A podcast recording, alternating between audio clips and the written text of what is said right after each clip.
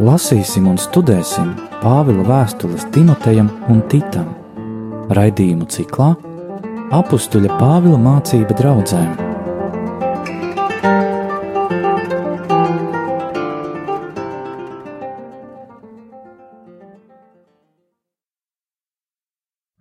Slavēts Jēzus Kristus, mūžīgi mūžos slavēts, studijā Stela un Anģela.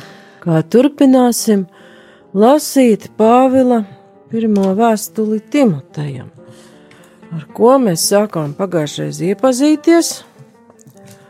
Sapratām, kāpēc ir Efeza, kas tad tur īsti bija.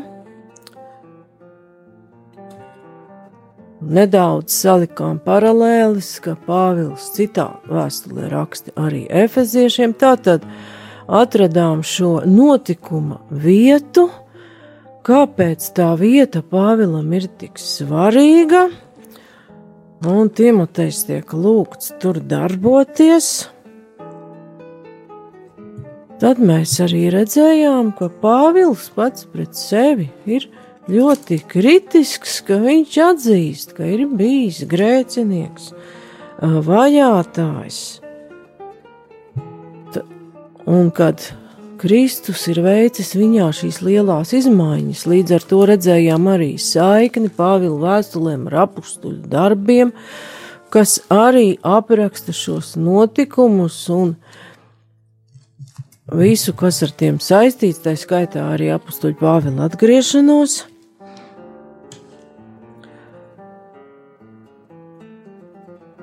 Tāpat nedaudz pieskārāmies, kā Pāvils runā par bauslību, par cilvēkiem, kas rīkojas pretēji dieva likumiem. Un šodien jau mēģināsim iet uz otro nodaļu par lūkšanām, kas mūsu laikā ir pat īpaši aktuāls, jo redzam, ko kad ir lielas nepatikšanas un dzīve vairs nenotiek tā, kā mēs esam pieraduši, cilvēks sāk atcerēties, kā pastāv lūkšana, ka tomēr laikam eksistē Dievs un ka būtu vērts atkal viņam pievērsties un varētu likties, nu, kārtējā nesmukā rīcība, Jā, cilvēks tāds ir, jo viņš ir grēki ievainots, bet mēs šajā ziņā ne ar ko neesam pat atšķirīgi. Dažkārt pat pavīt tādas domas, kāpēc pat lūgties, kāpēc pāvests lūdz, kad kāpēc mēs to dieva sodu tā teikt, pasakostiem zobiem nepaciešam. Un vēlreiz par šajā kontekstā es vēlētos atgādināt, kā pat ar šo pandēmiju ar šīm slimībām, zemestrīcēm Dievs mūs nesoda. Tas nav Dieva sots, bet tās ir sekas mūsu pašu rīcībai, mūsu, var teikt, civilizācijas kolektīvai aiziešanai no Dieva. Un Dievs šajā ziņā ir ļoti uh, godīgs, atšķirībā no daudziem varas vīriem, kas daudz ko pa kaktiem runā un slēpj. Dievs svētajos rakstos ir ļoti tieši un precīzi, un ja mēs atkal gribētu pievērsties vecai derībai, Levīta grāmatai, tad turpat ir vairākas nodaļas, kas runā par svētību, ko saņem cilvēki, tautas, kuras izpilda dieva likumu, Un par lāstu varētu, tas vārds mums nepatīk, bet varētu teikt pārbaudījumiem un postu, kāds seko, ja cilvēks atkrīt no dieva likuma. Un patreiz mēs piedzīvojam tieši to. Un ko tad darīja arī tie senie izrēļi, ja mēs atkal ietu cauri soļu grāmatai? Atkrita, mēģināja paši visu kārtot savu spēku savu bagātību, savu varu, akurāt kā vecā Eiropa. Nu, viņi saprata, ka jāiet vien būs atpakaļ pie kunga, un viņi brēca uz to kungu un tika uzklausīti. Jā, viņi atkrita, bet viņa nāca atpakaļ. Un tā šī dieva pedagoģija darbosies līdz pat laiku beigām.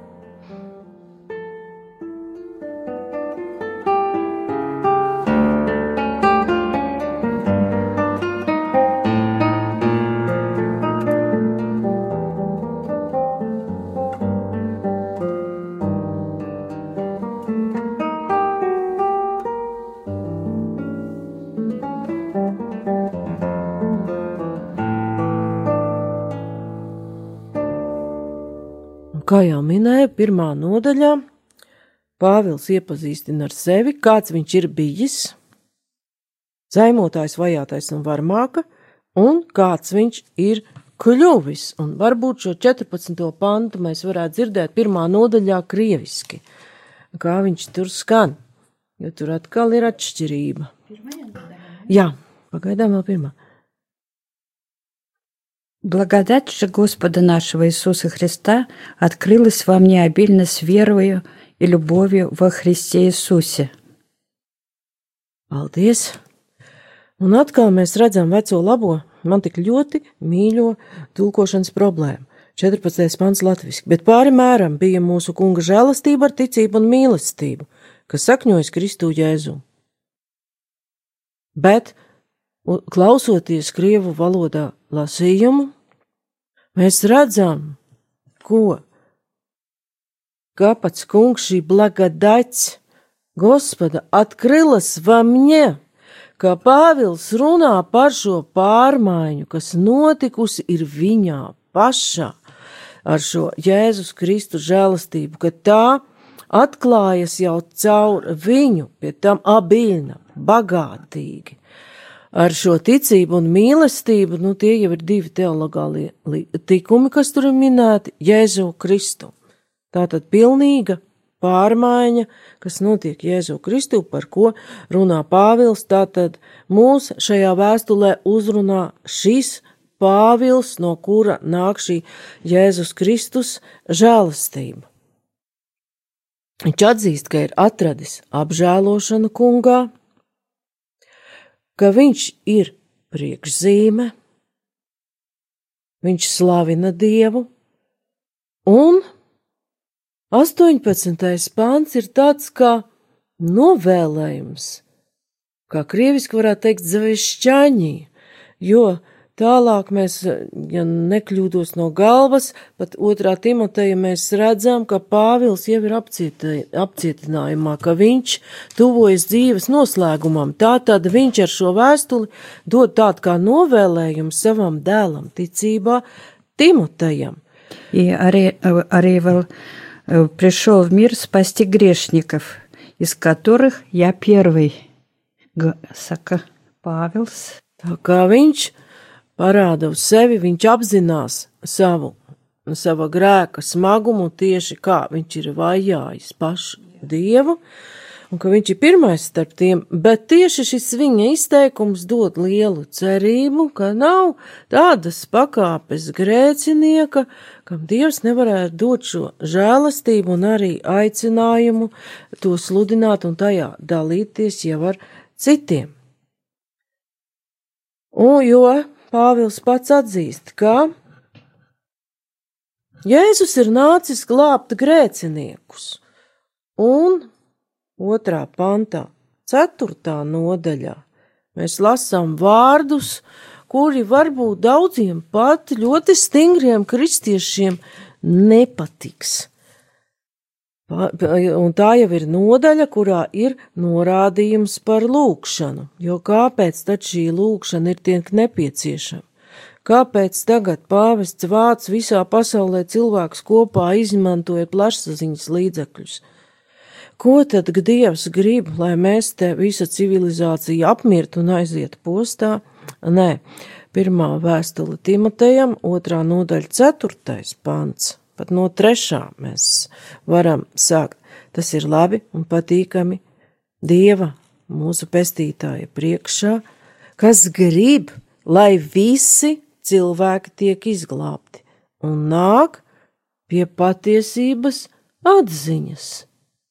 Tātad Dievs grib, lai visi cilvēki tiek izglābti, un apustulis Pāvils, pirmais starp grēciniekiem, mums par to atgādina. Un vēl mēs varam ievērot, kad gan pirmajā nodaļā, gan arī tālāk mēs tekstā redzēsim, ka Pāvils īpaši izceļ Jēzu Kristu, arī kā to, kurš dod kalpojumu. Es esmu pateicīgs tam, kas darīs mani spēcīgu.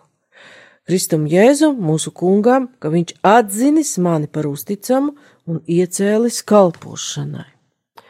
Jo, ja mēs paskatītos Jeremijas 23, 21, mēs atrastu, ka bija arī viltus pravieši. Jēzus pats evaņģēlijos runā par viltus praviešiem un viltus kristiem, un arī apakalipsē mēs varam redzēt, kā tas viltus pravietis ļoti sekmīgi darbojas, beig beigās tiek iemests uguns jūrā. Arī apustuļa darbos 26. nodaļā, 16. un 17. pantā mēs atrodam, ka Pāvils pats neizdomāja, ka viņš ies un kalpos, bet ka viņam šis kalpojums ir dots no kunga. Tur mēs varam lasīt jau no 15. Ka Pāvils ir Agripas priekšā un stāsta savā aizstāvības runā to, kas ar viņu ir noticis. Viņš dod liecību. Es sacīju, kas tu esi, kungs? Tas kungs atbildēja, es esmu Jēzus, ko tu vajā. Bet celies kājās, jo tāpēc es tev esmu parādījies, lai tu man kalpotu un apliecinātu, kā tu mani esi redzējis un, un kā es tev parādīšos lai tevi izglābtu no šīs tautas un pagāniem, pie kuriem es tevi sūtu, atvērt viņu acis, lai tie atgriežas no tumsas gaismā, no sātana varas pie dieva un ticībā uz mani dabū grēku piedošanu un mantojumu svēto pulkā. Tāpēc ķēniņa Agripa es šai debes parādībai neesmu bijis nepaklausīgs. Tātad tālāk jau apustuļu darbos ir norāde, ar ko Pāvils runā, un mēs varam saprast, ka viņš runā gara spēkā, saņēmis šo uzdevumu no dieva, un ka viņam nav bailes liecināt par to, ko viņš pats ir redzējis un piedzīvojis. Arī Timotejam Pāvils viņu iedrošina. Šā iemesla, dēļ es visu to ciešu, bet es nekaunos, jo zinu, kam es e, esmu uzticējies, un esmu pārliecināts, ka viņš ir gana varens, lai nosargātu man uzticēto mantojumu līdz viņa dienai, saglabā kā veselīgās mācības paraugu vārdus, ko no manis esi dzirdējis ticībā un mīlestībā, kas Kristu Jēzu sargā uzticētu krietnu mantojumu caur svēto garu, kas iemājo mūsos. Paldies! Un no kura? Tas ir kuras... Pāvila otrā vēstule Timotēm pirmās nodaļas. Jā, paldies, jā, 17, jo ir 12. labi minēt arī no kuras nodaļas mm -hmm. un, un, un, un grāmatas. Jā. Tu lasu, jo man jau pēc ausis jau sadzirdu, bet uh, varbūt klausītāji to visu vēl nav tik ļoti iepeldējuši tajā. Un tas sasaucās arī ar pirmās nodaļas vārdiem pirmajā vēstulē Timotejam, kā, kuri šis zavešķēņī, es lieku tev pie sirds mans dēls Timotei, pēc agrākiem praviešu vārdiem par tevi, lai tu cīnītos ar tiem labo cīņu savā ticībā un labā sirdsapziņā, ko daži ir atmetuši, un tā viņa ticības laiva ir sadragāta. Tā tad atkal tie praviešu vārdi, bet, kā Bībeles pētnieks skaidro, ka tas uh, zīmēs uz to, ka šajā pirmdraudzē bija pravietojumi, svētā gara pamudinājumi draudzes locekļu vidū, kā arī Timotejs ir apveltīts ar šo kalpošanas dāvanu, un arī tajā pašā otrā vēstulē Timotejam jau e, iepriekšējā raidījumā es pieskāros nedaudz tam, ka ar Pāvila roku uzlikšanu Timotejs ir iesvētīts garīdznieks. Tad Pāvils viņam, kā redzam, vairāk kārtīgi atgādina to, ka viņš pats neizdomāja, bet saņem no Dieva šo aicinājumu, un tāpēc viņš ir tiesīgs kalpot un cīnīties labo cīņu. 20. pantā, pirmās nodaļas beigās, it kā jautājums ir par to Himenēju un Aleksandru. Aleksandrs vēlāk ir minēts kā kalējs Aleksandrs, kas ir daudz ļauna noderīgis Pāvilam, un varētu rasties jautājums, tas ir 2. Timoteja 4.14 par šo ļauna darīšanu, kā tad tur ir Vai tad Pāvils tiešām kādu var nodot sātanam, lai viņi pārmācītu vairs nezaimotu dievu, bet kādu krievu valodā skan? 14, pirmā nodaļa, 20. pants. Таковы именей и Александрс, которых я предал сатане, чтобы они научились не богохульствовать. lai viņi mācītos. Atkal krieviski ir pārmācīti, bet lai viņi mācītos.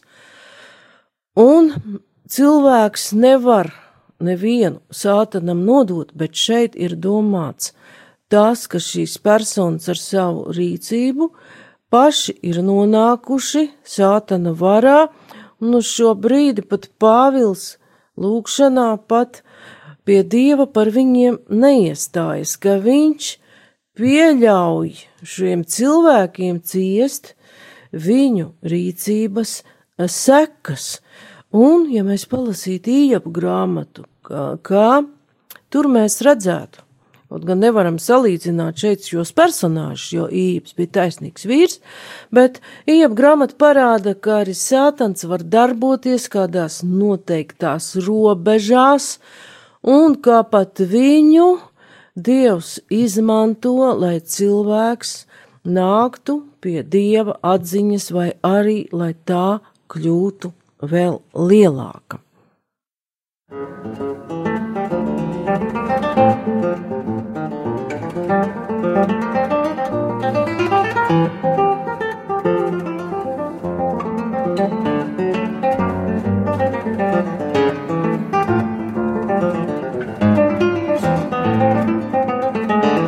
Studijā Stela Jurgena un Anģela Roze Juniķe. Tagad jau varam pievērsties otrajai nodaļai, kas it kā ir īsa, bet ar ļoti bagātu saturu par lūkšanu. Tātad, nu es pamācu tevi vispirms turēt lūkšanas, pielūkšanas, aizlūkšanas, pateicības lūkšanas par visiem cilvēkiem. Tā tad redzam, ka uzreiz te ir veselas vesels strīpa dažādu lūkšanu piedāvāts. Изlasīšu. Анжела grib nolasīt to крievu valodā. Итак, ja? прежде всего прошу совершать молитвы, прошения, моления, благодарения за всех человеков, и за царей, и за всех начальствующих, дабы проводить нам жизнь тихую, безмятежную во всяком благочестии и чистоте. Paldies! Un krievu valodā mēs labāk varam saprast, šo lūkšanas procesu, tem, dažādus lūkšanas veidus, un arī to, kā viņi viens otru papildina. Un redzējām tur tādus četrus vārdus - tie lūkšanas, pielūkšanas, aizlūkšanas, pateicības lūkšanas. Arī latviski tas ir diezgan saprotami, bet atkal varbūt pat krieviski precīzāk. Un kas tad tie ir? Tas pirmais ir prašenie de ēsis grieķu valodā. Prašenie mēs varam saprast arī kā lūgumu, kā mhm. lūgumu raksts. Tas neatiecas tikai uz reliģisko sfēru, Tas varētu būt dokuments arī gan antīkajā pasaulē, gan mūsdienās, lūgums, ko iesniedz valdniekam. Valdniekam. Vai kādai valsts amatpersonai, un mēs tādus pazīstam līdz pat Vai cilvēkiem dienai. vienkārši lūgt? var arī attiecināt uz cilvēkiem, bet tajā kontekstā Pāvils varbūt vairāk ir izmantojis šo formu, ka kaut kas tiek lūgts kādai personai, kas var to īstenot, un vairāk tas te ir. Arī lūgt jā. dievam varam, jā. Jā, bet tas pirmais vārds varētu būt attiecināts gan uz cilvēku, gan uz dievu. Tāda vajadzības izjūta lūgt to, kas cilvēkam tajā brīdī trūkst. Bet tālāk jau ir cits vārds, tā maģitva, un to var vērst tikai uz Dievu, jo ir lietas, ko piepildīt var tikai Dievs. Kā, piemēram, tikai Dievs var piedot cilvēkam grēkus, dot pārliecību par sevi, arī sevis pazīšanu. Un ir, kā redzam, arī lietas, ka mēs, ko mēs lūdzam, kas mums trūkta, ir nepieciešams, bet no saviem spēkiem mēs tās atrisināt nespējam, to spēj tikai Dievs, un arī mēs visi patreiz atrodamies tieši šajā situācijā, jo īsti neviens nekā nezina, ko iesākt, un kāda sekas tam visam būs. Tālāk ir tas entauksis, maļēņie. Aizlūgumi, jā? Ja? Ne īsti. Tur ir tas interesantākais, ka īsti par aizlūgumu viņu arī nevar tulkot. Tā kā tuvu var būt, bet te viņu tulko ka nejauši satikties ar cilvēku, sirsnīgi sarunāties, un vēl viena nozīme ir ieiet valdnieka klātbūtnē, kas varbūt attiecībās ar Dievu pat ir ļoti precīzi apzīmējams, bet ieiet klātbūtnē tas nenozīmē, ka cilvēks tā valdnieka priekšā trīc, sarāvies paniskās bailēs un tagad ar savu lūgumu rakstu nezin, ko iesākt. Iet viņa klātbūtnē, tas nozīmē arī satikties, būt kopā, sarunāties tai pašā laikā, tas vārds saglabā arī šo bijību pret Dievu. Un evaharistija tālāk jau tas mums būs vispazīstamākais - pateicība. Kā varam pat pārdomāt par to, kas tad īsti ir svētā mise. Un ka šobrīd ir situācija, ka Mēs to pateicību varam svinēt tikai skatoties datorekrānā, tātad, kas mums ir paņemts nost, iespēja pateikties Dievam par visu to, ko esam saņēmuši. Un situācija mūs ved tālāk domāt, vai mēs vienmēr, kad bija iespēja iet uz dievnam, svinēt evaharistiju, pateicību, izmantojām šo iespēju būt klāt un pateikties par to visu, ko mēs esam saņēmuši.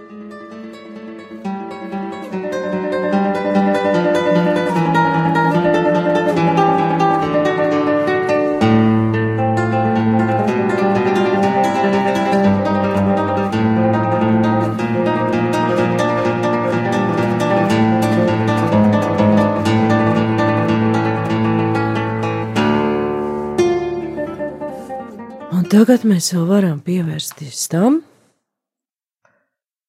par ko tad vēl Pāvils runā, un kas varētu mums šajā brīdī likties tā. Otrais pants par valdniekiem, visiem, kas ir augstā amatā, lai mēs dzīvotu mierīgi un klusi dzīvi visā dievbijīgā un cienībā. Un varētu pat rasties tāds Tāda doma, nu, priekš kam par viņiem lūgties, ka viņi pieņem vienu lēmumu stulbāk par otru. Tieši tāpēc, lai Dievs viņus apgaismo un palīdz viņiem pieņemt gudru lēmumu. Varbūt tieši tāpēc, ka mēs nebijām lūkšanā ar viņiem, viņš pieņēma to nevisai prātīgo lēmumu. Pāvils to, par to runā pat nereizi vien. Tad tā ir lūkšana par tiem, kam ir vara. Šeit viņš runā par personām, kam ir šī politiskā vara. Un vēl viņš par to runā vēstulē romiešiem.